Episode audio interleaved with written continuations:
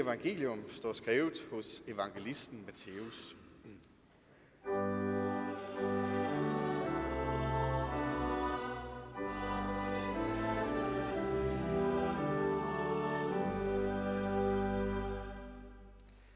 Seks dage efter tog Jesus Peter og Jakob og hans bror Johannes med sig og førte dem op på et højt bjerg, hvor de var alene.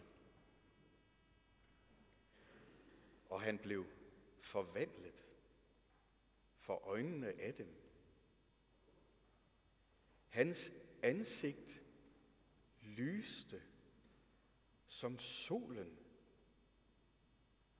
og hans klæder blev hvide som lyset.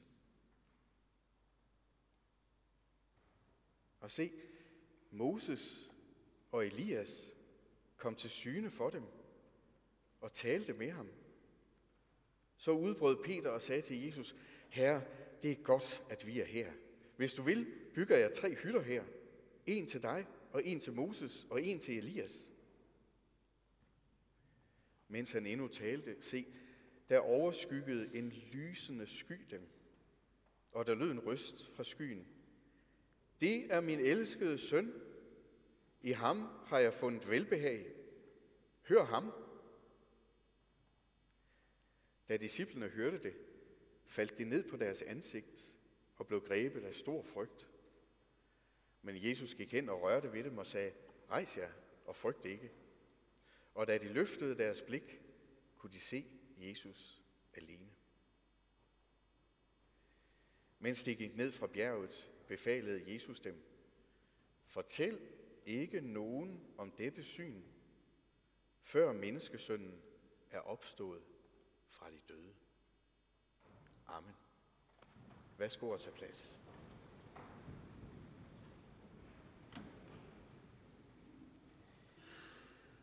Hvorfor i alverden det? Se, der stod Jesus, og hans indre lys brød frem. Det uskabte lys, det guddommelige lys, strålede ud af hver pore i hans hud, gennem glødet af guddommelig herlighed. Hvorfor måtte de ikke fortælle det?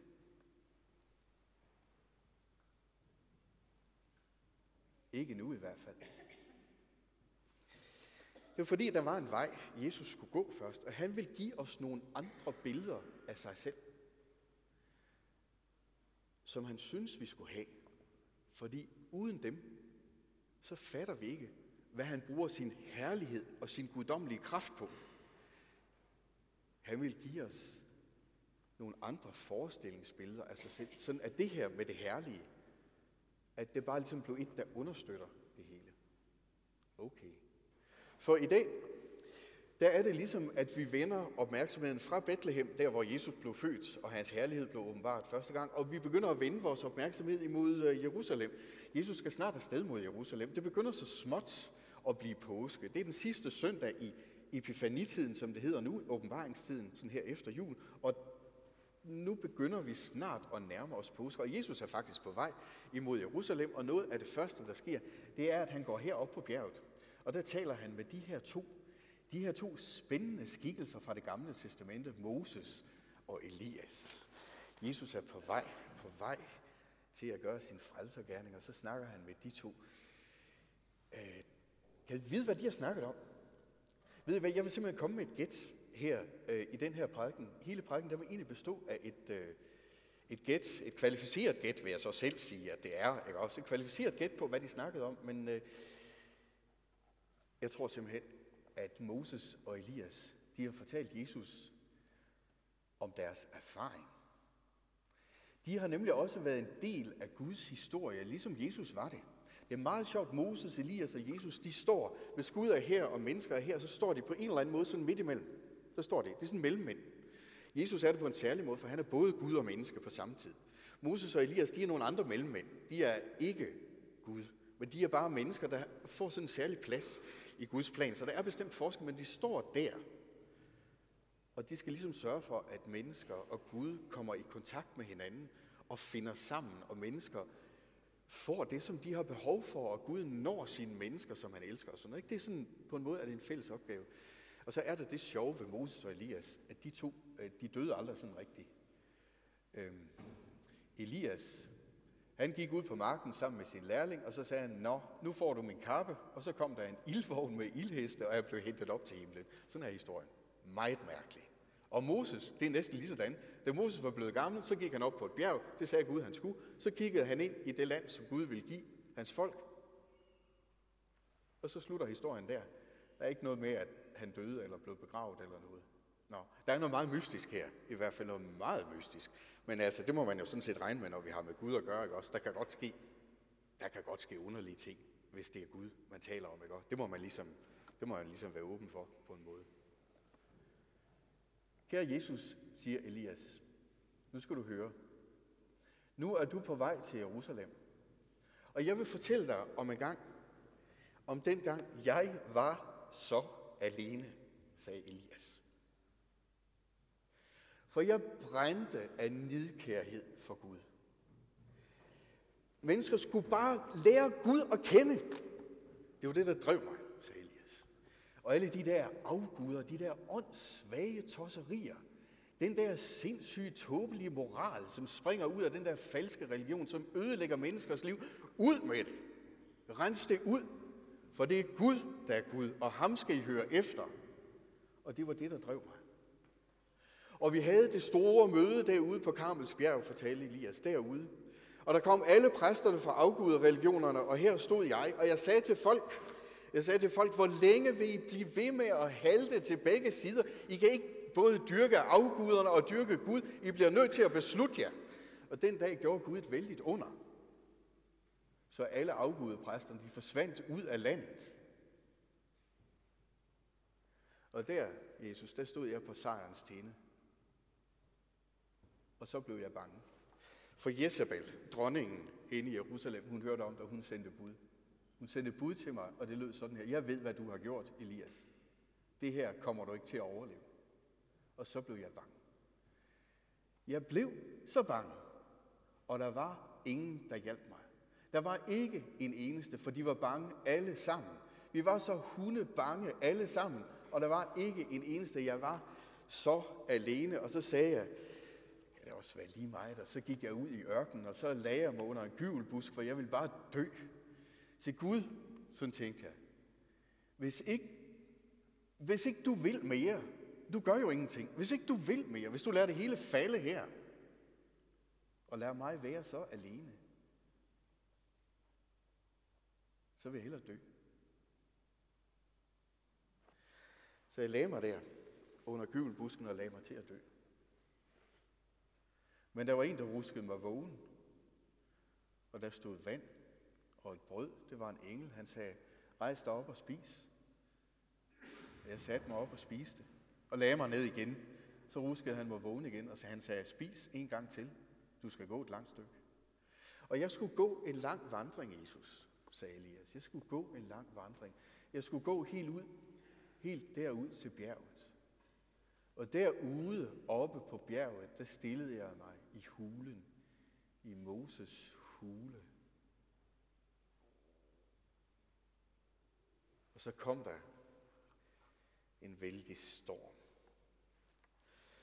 Klipperne blev slået i stykker, og vinden hylede, og jeg ventede på Gud, men jeg vidste, Gud er ikke i stormen. Så kom der et jordskælv.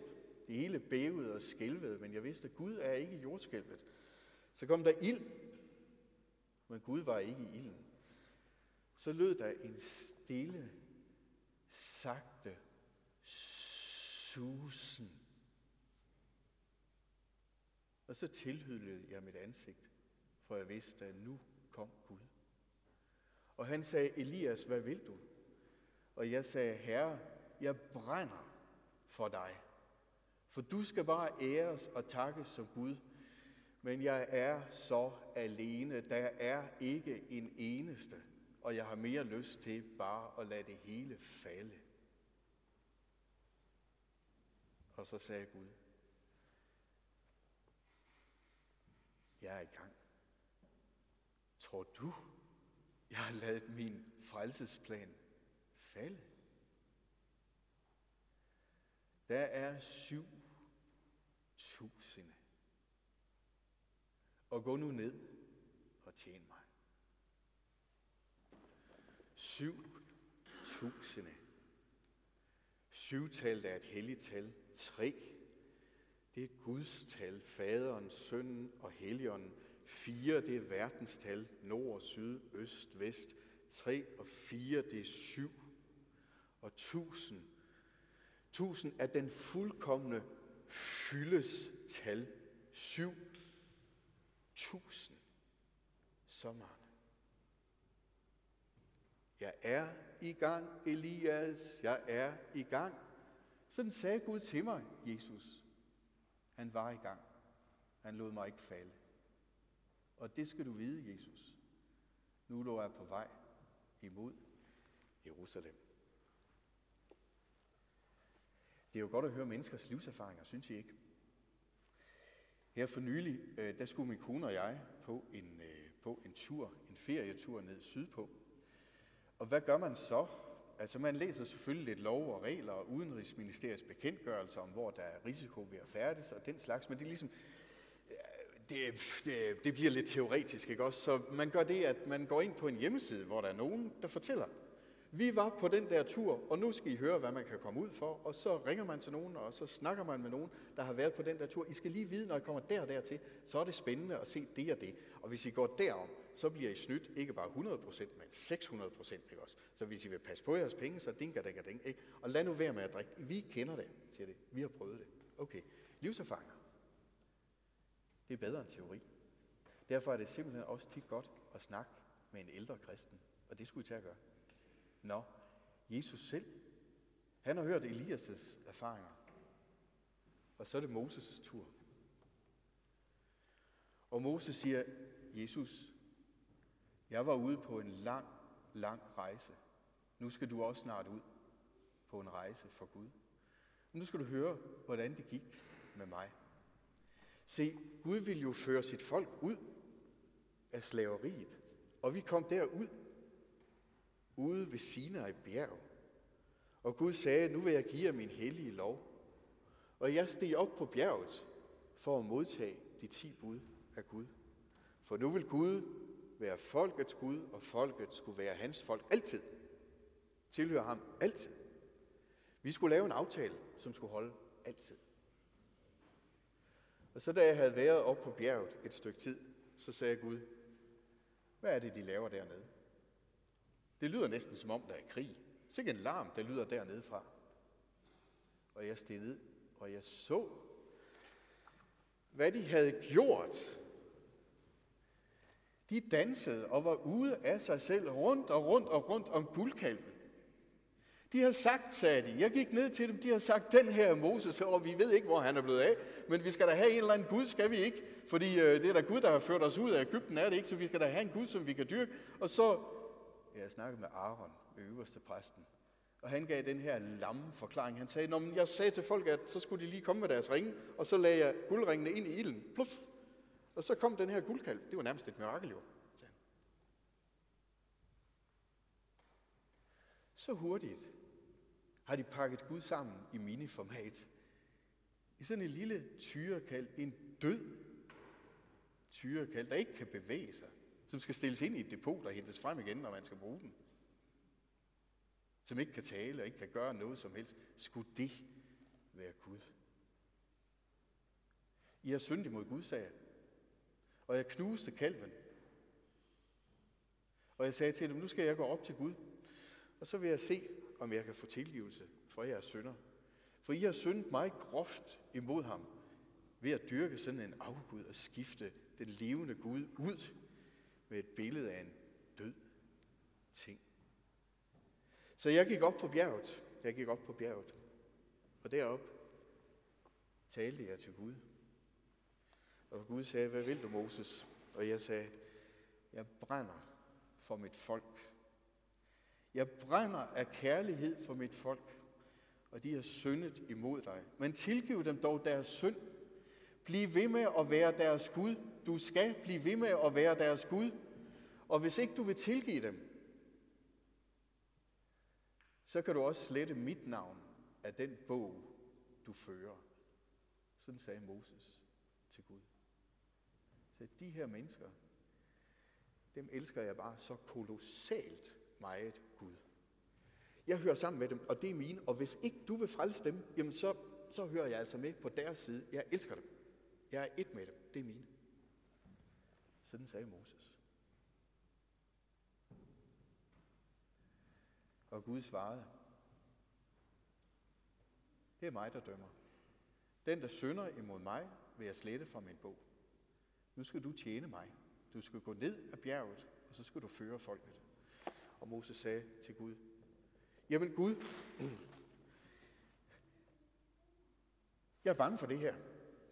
Fordi er nogle syndere er det, det her folk. Og jeg er bange for, at du skal sige lige pludselig en dag, nu er det nok. Jeg er simpelthen bange for det. At dit vrede spæger, det er ved at være fyldt, og lige pludselig så kommer der en dag, hvor du siger, nej, det er dråben. Nu er det slut. Jeg er simpelthen bange for, at du er sådan en Gud. Hvordan er du, Gud? Må jeg have lov at se dig? Og så fik Moses lov at se Gud. Gud stillede Moses i hulen, i hulens åbning. Og så drog Gud forbi Moses. Han dækkede med sin hånd, mens hans ansigt drog forbi. For det er så herligt, at intet menneske kan se det og leve. Og så lod Gud al sin herlighed gå forbi Moses, imens Gud råbte sit navn ud. Herren, Herren, sagde han. Herren er nådig og barmhjertig, sen til vrede og rig på nåde. Hans vrede var et øjeblik, hans nåde varer til tusind slægter. Jesus, det var hvad Gud sagde til mig. Tusind slægter. Nu skal du på vej til Jerusalem. Du skal vide, at det Gud er ude på, det er at frelse. Det er at frelse. Grove syndere, der bliver ved. Og der bliver ved. Hans vredes bæger, det er ikke et bæger, der langsomt løber fuldt. Det er et bæger, han tømmer. Han tømmer, han tilgiver. Hans nåde varer i tusind slægter. Hans vrede var et øjeblik, og hans nåde i tusind slægter. Jesus, på den vandring, du skal ud på til Jerusalem, der skal du få lov til at gøre det, som jeg ikke fik lov til. Du skal få lov at dø for det folk, du elsker. Du skal få lov at blive knust under vægten af deres sønder. Du skal få lov at tømme deres sønders mål til bunden. Jeg fik ikke lov at dø for mit folk, som jeg elsker. Men Gud vil give dig lov til det. Men jeg lærte, Jesus, at Gud i dommen selv i dommen er ude på at vise noget. For han elsker sit folk lige så højt, som jeg gør.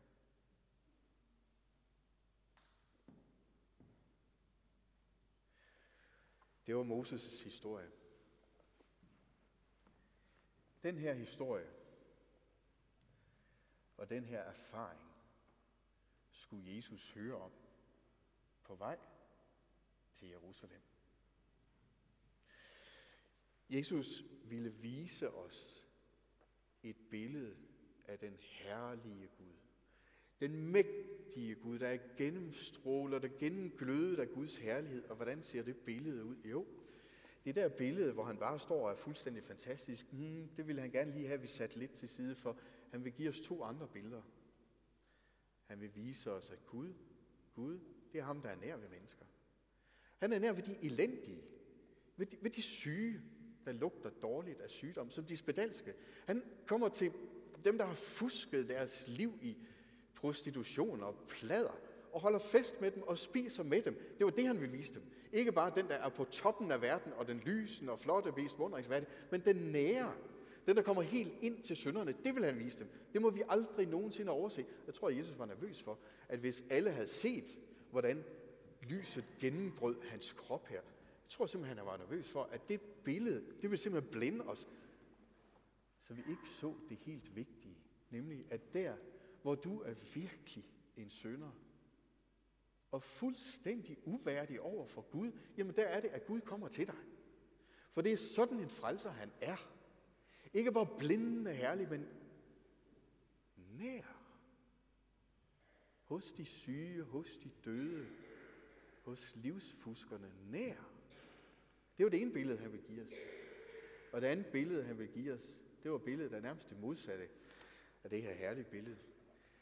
Billedet af en, der hænger i den mest ydmygende stilling, som man kan hænge i, og bliver slænget væk og får lov at krepere og dør under Guds og alle menneskers dom og foragt og bærer hele vægten af menneskehedens synd. Nemlig, det billede skulle vi have. For Jesus vil ikke bare give os en, der er herlig. Han vil give os en frelser. En frelser. Det er det, han vil være. Sådan at du, kære kristne, kan være fuldstændig sikker på, at dine sønder, de er væk. Din skyld, den er sonet. Dine sygdomme, din, din sinds krogethed, din indre dumhed, din tendens til had og brok og alt det der, at det er fjernet. For Gud har fjernet skylden for det i al evighed. Det er det billede, Jesus vil vise jer. Det er det billede. Så derfor får vi kun lov til at se det her billede af hans herlighed, så lige bling et glimt, og så lukker han igen indtil efter han har vist os de to andre billeder her. Så det er altså sådan, det er. De her tre billeder, Jesus der er nær, Jesus der er korsfæstet, og Jesus der bare er herlig, det er det samme. Den Gud, som vi kender, vores Gud, han er den herligste, den stærkeste på toppen af verden. Det guddommelige lys lyser igennem ham. Han er fyldt af guddommelig kraft. Yes! Og den guddommelige kraft, den bruger han på at være din frelser. Sådan er Gud. Og det er det billede, der gerne må stå helt klart her i dag. Det smukke billede, den smukke statue, der står heroppe, øh, den er ligesom en fusion af de tre billeder her. Den er jo lavet efter opstandelsen. Efter opstandelsen. Men det er meget, meget sjovt med den her statue. Det er ikke sådan en, øh, jeg har klaret det hele, selv døden. Det er ikke sådan den positur, han står i. Her, der står den korsfæstede. Han er opstanden, ja vel, men den korsfæste, I kan se, han har et mærke i siden, jeg tror det er herover for spydet, og han har mærker i hænderne og i fødderne. Ja, det er den korsfæste, der gav sig selv hen som en sonoffer for vores synd. Ja, det er det. Og samtidig så er det den umådeligt herlige og forklarede, og så er det så den, der er helt nær. Ikke? Han gør sådan her. Fordi han er bare ude på at nå os og frelse os. Simpelthen den herlige. Så øh, det hele er egentlig til stede her i Kristkirken. Lov og tak og evig ære være dig vor Gud, Fader, Søn og Helligånd, du som var, er og bliver en sand treenig Gud, højlovet fra første begyndelse, nu og i al evighed. Amen. Godt, det var prædiken. Jeg har en lille servicemeddelelse, kan man sige. Øh, der er nogen her i kirken, som måske ikke har været så mange gange før. Nu skal I høre, når vi holder aldergang, så er I meget velkomne. Nogen kan tilhøre en anden